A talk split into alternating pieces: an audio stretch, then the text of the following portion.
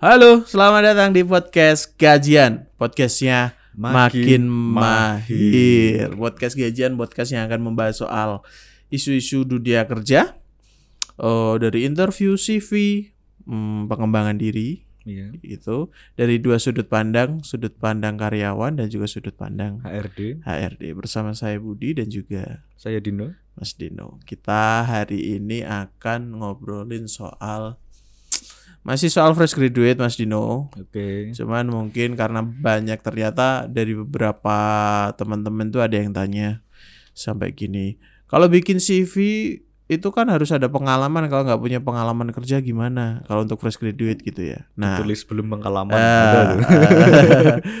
terus harus diisi apa? Nah, sebenarnya adalah salah satu apa ya hal yang harus ditulis itu selain pengalaman kerja kalau mau punya adalah magang biasanya atau mungkin kalau sekolah namanya PKL prakerin gitu. Nah, kita akan membahas itu.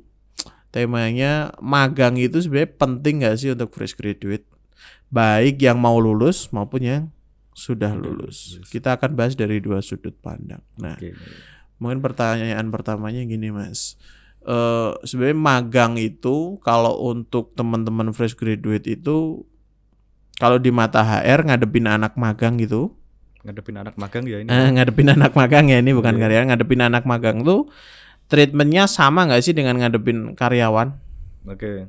Tentunya eh, karyawan dan magang berbeda ya ini ya. Mm-mm. Ekspektasi dari perusahaan juga berbeda. Oh gitu ya, betul. Kalau karyawan kan mungkin memang yang sudah benar-benar ekspektasinya kita perusahaan punya ekspektasi tersendiri lah untuk karyawan. Mm-mm. Kemudian untuk magang juga ada ekspektasi tersendiri. Ya, Nah, kalau magang mungkin kita uh, tentunya dari sisi uh, sisi beban kerja, Uh-uh. dari sisi skill, knowledge Betul. itu tentunya berbeda. Kan kalau magang itu kita lebih ke arah pengembangan ya kita ya. proses belajar. Proses belajar kita ke proses belajar. Kemudian dari untuk uh, anak magang sendiri kita juga uh, treatmentnya berbedanya apa? Karena di perusahaan Mm-mm. juga mem- uh, membutuhkan sese- seorang yang magang. Makanya kita kan tetap Hmm. uh, tetap membutuhkan orang magang kan. Berarti eh, anak magang itu penting untuk perusahaan. Untuk perusahaannya penting, Mm-mm. tapi untuk anak magangnya juga penting juga. Kita win-win solution lah. Oh, jadi Gitu. kayak perusahaan butuh anak magang, maksudnya butuh kebutuhan untuk itu, kemudian anak magang juga butuh untuk proses belajarnya bisa ketemu di situ tuh. Betul. Nah, kalau keuntungannya apa untuk perusahaan? Nah, Apa kita itu biasanya? uh, untuk anak magang biasanya kan untuk anak magang itu ya kan tahap belajar ya. Betul. Tahap belajar perusahaan bisa memanfaatkan tenaga anak magang untuk mengerjakan hal-hal yang kecil misal hal-hal yang untuk hal-hal yang besar nanti dikerjakan karyawan lah nanti untuk hal-hal yang kecil tapi eh kecil tapi banyak ya Banyak. kecil banyak itu kita bisa mema- memanfaatkan eh, tenaga magang kemudian Mm-mm. juga bisa menjadi brainstorming sendiri bagi produk perusahaan itu kan anak Oh. magang itu eh, kita masih anggapnya kan belum ada kontrak ya Betul. Eh, mungkin kontrak magang tapi Kontrak berbeda, magang, berbeda bukan dengan kontrak kerja karya, ya. bukan kontrak kerja nah Mm-mm. kita bisa menilai nih dari sudut pandang orang lain uh, atau anak magang ini tentang produk perusahaan itu bagaimana sih? Oke. Kayak gitu. Kayak- Jadi benefitnya pertama jelas kalau ada tambahan orang itu pasti ada tambahan tenaga, Ada. pikiran gitu ya. Iya. itu pasti akan membantu menyelesaikan pekerjaan di kantor. Yang kedua itu bisa menambah opini lain bisa jadi ya. Uh, Bisa. opini lain atau opsi. sudut pandang baru ketika ada anak magang masuk gitu. Iya. Nah, selain itu sebenarnya kalau untuk anak magang itu kan eh, mungkin secara beban kerja memang nggak nggak banyak. Iya nggak seberat yang karyawan. Harusnya Enggak. gitu. Iya. Tapi kan kadang Nah, mumpung ada anak magang itu kadang suka beban kerjanya disamain. Itu gimana tuh? oke. Untuk anak magangnya sendiri sarannya gimana tuh? Kalau Oke. dapat hal kayak gitu. Oke. Eh, kalau kita magang kita diberi beban kerja yang mendekati sama level karyawan. Karyawan. Kalau dari sisi Mas Budi merasanya sedih atau malah seneng nih Eh mungkin lihat-lihat kerjaan dulu ya. dari kerjaan? Eh, ka- kalau saya posisi sebagai anak magang gitu mungkin dapat kerjaan itu yang pasti pertama berarti dikasih tanggung jawab, Betul. dikasih kepercayaan gitu Betul. kan, ada kesempatan untuk belajar.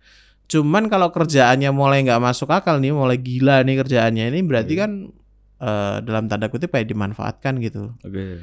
Berarti perlu komunikasi intens dong dengan HR. Oke, tu- oke. Tentunya eh, kalau diberi tugas yang berat nih nggak mulai nggak masuk akal ya. Oke, kita lihat dulu. Kalau kita diberi tugas yang berat nggak masuk akal, hampir sama seperti pekerjaan karyawan ya. Nah, ah. Eh, kita lihat nih, kita secara mental nih kita kuat nggak sih nah mental. mentalnya? Kan? Karena kan perbedaan dari pendidikan ke dunia kerja ya. Betul. Kan yang di dunia pendidikan dan kerja kan tentu berbeda. Betul. Tentu berbeda di dunia kerja kita dituntut eh, untuk kreatif, untuk eh, bekerja apa-apa itu Cepat, cepat, fleksibel. fleksibel. Kalau mungkin di uh, dunia pendidikan kan kita masih dituntun oleh- dibimbing. Ya. dibimbing oleh guru. Nah, kalau kita mental kita sudah siap, mental kita kuat, kita diberi tugas apa pun selama itu masih uh, kita masih mampu, kita justru akan mendapat sebuah sebuah ini ya sebuah Pembelajaran. pembelajaran, gitu ya. ya sebuah pembelajaran dan itu akan secara tidak langsung kan meningkatkan skill kita menjadi yang lebih, Oh lebih iya. tinggi lagi kan. Mungkin bisa jadi nggak cuman hard skill yang terasa tapi juga soft skillnya. Soft skillnya juga. Komunikasinya bisa komunikasi, lebih bagus. kita bisa mendapatkan negotiation skill mungkin Betul. public speaking Iya. itu perlu kemudian komu- komunikasi interpersonal Iya, intrapersonal dan lain sebagainya. Iya, Kerja sama tim, betul kerja Betul ya, sama jadi- tim benefitnya memang banyak.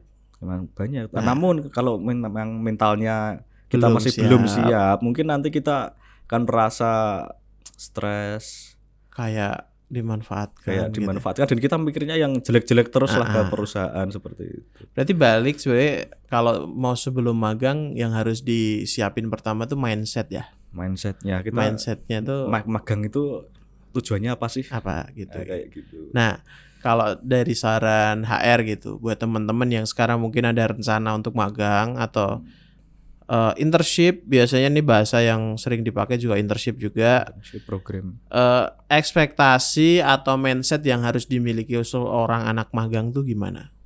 Oke, gitu. ini untuk fresh graduate ya. Untuk fresh graduate. Untuk fresh graduate. Oke, pertama pasti uh, sebelum masuk ke sini, Mas, Mm-mm. pasti banyak nih pertanyaan-pertanyaan dari fresh graduate. Enaknya langsung kerja apa Atau magang dulu. magang dulu? Oh iya iya iya betul Iya. betul betul.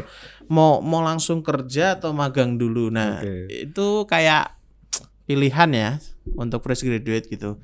Ya pengennya sih langsung kerja ya kan dapat Iya. dapat duit duit gitu kan ya. Ya iya. sebenarnya magang juga bisa jadi Dapat. tergantung perusahaannya juga. Cuman mungkin benefitnya nggak sebanyak kalau kerja, gitu kerja ya. untuk karyawan. Nah, itu kalau dari HR menyarankan magang dulu atau kerja dulu Oke. atau gimana? Oke, tentunya setiap orang berbeda-beda nih, Mas. Mm-mm. Misal Oke, kalau kita seandainya saya menempatkan diri sebagai fresh graduate yang Ya. saya rasa tuh CV ku masih kurang, Mas. Masih banyak yang bolong. Masih banyak bolongnya terutama untuk misal Pengalaman. yang ketika sekolah, kuliah itu cuma nggak ada pengalaman-pengalaman. Oh iya. Sebelumnya nggak ada misal organisasi. organisasi, nggak ada kita ikut kepanitiaan atau apa, nggak punya prestasi. nggak punya prestasi, lomba-lomba juga nggak pernah ikut gitu. Nah, Istilahnya B aja. istilahnya ya B aja. Dan lah. ini banyak banget loh fresh graduate yang di kategori B aja tuh banyak. Banyak. Seperti saya dulu juga B aja gitu kan. Oke. Mengakui Mas. Mengakui saya. iya. Oke, ini gimana sih kalau CV-nya masih kosongan, masih Mm-mm, eh, kurang menarik lah ya, Iya. kurang menarik di mata HR. Nah, betul. kita kita lihat dulu. Kita kalau bekerja mau kita lulus langsung cari kerja, Mm-mm. kira-kira dengan CV yang seperti ini menarik gak sih di mata HR? Kalau kurang menarik, kemungkinan dapat kerjanya Ya. akan semakin lebih besar atau berkurang? nih? Eh, kalau lihat persaingan ya pasti Pasti berat. berat Nah, gitu ya. Gimana sih kalau kita cara ngisi CV biar Mm-mm. nggak kosong-kosongan? Tentunya kalau bisa sih organisasi bisa, bisa sih kita ikut kursus-kursus, training atau apa Workshop. workshop. Tapi yang uh, kita lihat kalau kita sudah menentukan kita misal SMK nih ya SMK lulusan RPL misal. Ya. RPL itu apa singkatannya mas? Rekayasa perangkat, lunak. Oke, Iya. kita kan mungkin bisa jadi nanti bisa jadi support, technical support bisa mungkin belajar jadi ya uh, developer developer mungkin Iya. bisa nantilah sambil belajar ya. betul betul. Nah, seperti itu kan kalau kita sudah menemukan uh, posisi yang ingin kita tuh berada di bidang itu, Mm-mm. kita lihat uh, dengan pengalaman yang CV yang kosong ini bisa nggak sih? Kalau nggak bisa, gimana caranya? Oke, kita bisa dengan alternatif cari magang Iya. ya cari magang dengan posisi yang emang kita ingin tekuni bidangnya misal Mm. di posisi apa sih technical support ya, misal Bisa, FPL ya ya. bisa. Nah, itu tujuannya apa? Nah, magang itu eh, untuk sekarang dari peraturan pemerintah sebenarnya ada ada aturannya, Mas. Oh, udah ada. Ada, ada aturannya Udah ada magang, aturan magang magang. itu tetap kita nanti ada benefitnya, Oh, iya iya iya. ada benefit. Berarti dapat dapat duit dong. Ya tetap dapat. Berarti kalau ada teman-teman yang magang dan sekarang nggak dibayar, eh coba tanyakan lagi. Iya, coba coba ditanyakan lagi. Coba Karena ada peraturannya lagi. ya Mas ya. Ada peraturannya. Nanti coba browsing deh peraturan magang mungkin undang-undang atau PP-nya Iya, gitu ya. ada, Ada, nanti ya. ada undang-undangnya, ada benefit, ada mungkin nanti ada uang transport, Tunjangan. tunjangan-tunjangan Hmm. itu ada pasti. Oh, ada. Nah, Iya oke. dan eh, keuntungannya apa kalau ikut magang itu? Mm-mm. Oke, kita kan eh, butuh kita kan butuh mengupgrade skill. Oke, mungkin dari sekolah kita sudah dapat nih. Ya, Tapi apakah itu cukup? Kemungkinan kan masih kita masih ingin sangat kurang. berkembang lagi Iya, kan, betul. berkembang lagi dengan magang kita diajari oleh mungkin tenaga-tenaga yang sudah berpengalaman sebelumnya di perusahaan tersebut. Mm-mm. Kita kan akan mendapat sebuah pengalaman yang berharga nih. Betul. Udah dapat pengalaman dibayar lagi. Nah, Udah gitu CV-nya kita nambah juga. Nambah juga. Nambah juga. jadi ben- benefitnya memang proses belajarnya itu jauh lebih apa ya? Mungkin kalau di sekolah itu lebih banyak teori gitu ya. Nah, Ya. kalau magang tuh akan jauh lebih banyak praktek ya. Lebih banyak praktek dan selain itu kan kita juga sudah tahu nih eh, lingkup dunia pekerjaan yang sesungguhnya itu Iya. gimana sih. Kayak gitu. suasana pekerja kalau misal saya ngambil karir jadi apa developer jadi front end misal atau Iya. back end developer gitu ketika saya magang terjun langsung di dunia kayak gitu jadi punya gambaran realnya gitu ya oh Betul. ternyata kayak gini ya tingkat Iya. stresnya seperti ini Hmm. kemudian cara kerjanya itu seperti ini yang dipakai teknik-teknik kayak gini yang bisa jadi di bangku sekolah kita nggak diajari nggak diajari atau mungkin kita acuhkan ya di bangku sekolah. betul Kan kita juga selain itu kan juga bisa kita melatih disiplin kita nih. oh iya Melatih disiplin, disiplin eh, berangkat waktu, waktu ya, ya, disiplin waktu. disiplin waktu kemudian mengatur waktunya juga Betul, time management. time management. Belajar tanggung jawab. Tanggung jawab pasti. Pasti itu ya karena Iya. kalau di perusahaan itu ya anak magang itu tetap akan dikasih tanggung jawab meskipun nggak sebesar Eh, karyawan, karyawan, gitu. Iya. atau bisa jadi ini anak magang jadi asistennya karyawan gitu. Mm-mm, ngurusin ini jadi. itunya gitu. Asisten dalam arti asisten pekerjaan bukan asisten pribadi buatin kopi gitu ya. Bukan bukan ya. Jadi magang tuh pikirannya jangan jadi pesuruh bukan gitu. Tapi magang itu ya terjun real ke dunia kerja tapi statusnya masih sebagai apa ya bisa dikatakan orang yang masih belajar. Orang masih belajar masih belajar. Iya. nah selain pertanyaan magang dulu atau langsung kerja berarti kalau dari HRD prefer karena memang CV-nya itu masih banyak yang bolong magang aja dulu magang aja dulu boleh gitu iya untuk menambah pengalaman nambah pengalaman dan untuk ngisi CV-nya. isi CV-nya Betul. begitu mungkin dan ini kan kalau yang CV-nya bolong nih kalau Mm-mm. CV-nya udah banyak gimana Nah, betul. Eh, kalau dia merasa sudah percaya diri dengan pengalamannya dari Heeh. organis pengalaman organisasi Iya. kemudian portofolio juga Mm-mm, itu kan eh, ya kalau mau magang silahkan saja mm-mm. karena itu juga akan kalau ikut magang nanti kemungkinan yang pengalaman yang sudah banyak akan tambah banyak Tambah, lagi mm-mm, betul. kan eh, tujuan magang juga benefitnya kita selain dari nominal Iya. kita juga bisa menambah portofolio kan Oh iya, betul, betul. portofolio itu kan penting untuk mungkin Penting. sejumlah posisi kan itu penting Oh kan iya, beberapa prosi- posisi kayak misal ya ngomong developer tadi itu Iya. tuh juga butuh beberapa portofolio kalau kita mau Betul. melamar pekerjaan ke perusahaan yang memang sudah top tier misal top Iya. 10 gitu, itu mesti kita butuh portofolio gitu ya. Betul. Nah, magang bisa jadi salah satu solusinya. iya Betul gitu ya. jadi. Nah, eh mesti juga banyak yang yang pengen tahu eh, cara memilih tempat untuk magang tuh gimana. oke Atau yang penting, wah ini ada kesempatan magang, udah ambil aja deh gitu. Atau seperti apa? oke tentunya eh, kembali lagi ke tadi yang namanya magang kan berbeda ya eh, Mm-mm. nominal besaran nominal Betul. upah yang kita dapat dengan karyawan Mm-mm. Oke kita lihat eh, apabila kita mendapatkan informasi magang nih kalau di perusahaan yang besar nih multinasional Mm-mm. internasional seperti itu mungkin eh, dari benefit itu akan besar tapi kita lihat dulu kalau kita misal eh, itu jauh dari rumah kita kita harus ngekos Betul. itu harus di eh, Pertimbangkan. pertimbangkan kembali kalau syukur-syukur ada yang tempat magang yang mungkin nggak jauh lah dari Rumah. tempat tinggal kita. Ah. Mungkin yang mungkin yang kalau nggak satu nggak satu daerah, Betul. mungkin ya yang lebih deket yang mungkin bisa seminggu sekali kita pulang Iya. itu masih bisa karena apa? Karena nanti hubungannya dengan eh, nominal itu tadi kalau eh, digaji kan eh, magang kan nggak penuh. Nah, Betul. nanti untuk menghidupi kebutuhan kita bagaimana? Iya, Kecuali, memang kecuali orang tua eh, itu bisa mau mensupport. mau mensupport Nah, itu Gitu. kecuali Anda orang kaya. Hmm, anak sultan. Anak sultan tidak apa-apa. Tidak apa-apa. Nggak usah mikir mau di mana, tinggal berangkat. Iya. Tapi kalau Anda B aja, B aja. pikirin lah gitu ya. Pikirin dulu, iya. Berarti harus dipertimbangkan itu dulu. Oke. Pertama soal kita akan dapat benefit, tapi kita bisa nggak jalaninya gitu ya. Betul. gitu. Kan nanti ketika sesi mungkin ada interview, Betul. eh, kita pastikan juga nih benefit yang kita dapatkan ini apa sih selain eh, pokok, Betul. selain benefit pokok tunjangan-tunjangan itu Mm. eh, kita pertimbangkan dengan biaya hidup kita selama Betul. satu bulan. Kemudian setelah itu eh, posisinya, mas. Oh iya Oke, posisinya. posisinya jangan eh, jangan kita harus fix dulu di depan eh, posisi kita tuh apa, job desk-nya itu apa yang akan dikerjakan. Kita tuh ngapain di situ? Kita tuh ngapain sih di situ? Jangan sampai nanti ketika kita sudah deal Mm-mm. begitu mulai bekerja kok Mm-mm. malah kerjaannya campur-campur gaduh-gaduh Nah, ya bisa Kayak bisa gitu. bisa. Ya, Jadi harus difixkan harus- dulu di depan. harus di apa harus dipastikan dulu di depan. Betul. Dan yang yang pasti itu gini teman-teman. Magang itu tetap ada proses interview ya, Mas. Betul. Jadi perusahaan itu tetap akan ada proses interview khusus untuk magang. Jadi nggak nggak cuma sekedar kalian apply terus langsung otomatis diterima nggak juga. Betul. Karena eh, HR juga akan mempertimbangkan beberapa hal untuk menerima atau tidak gitu ya. Iya. Dan Jadi juga perhatikan juga tentang eh, ekspektasi kalian magang. nah, ini penting Nah, nih. Ini penting nih. Ini penting. Kadang mungkin eh, yang perlu dicatat adalah magang itu ya kerja tapi statusnya belajar, gitu. Belajar. Jadi ekspektasinya kalian jangan kayak karyawan ya mungkin ya atau gimana? Ekspektasinya ekspektasi. jangan seperti apa? Kita lihat yang namanya magang kalian daftar pasti udah ada kok tulisannya kan.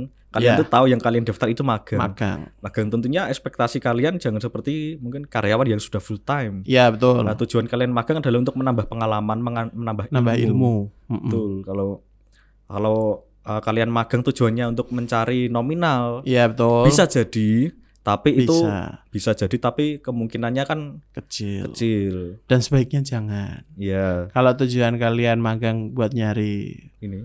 fulus, aduh, mending jangan. Iya. Karena ya akan dapat tapi eh, kalau ekspektasinya udah ke situ nanti mesti akan berat di prosesnya. Betul. Lihat juga nih perusahaannya yang kalian magang ini perusahaan besar atau yang masih merangkak atau Iya. startup. Betul. Kan tentunya berbeda nanti. Nah, iya.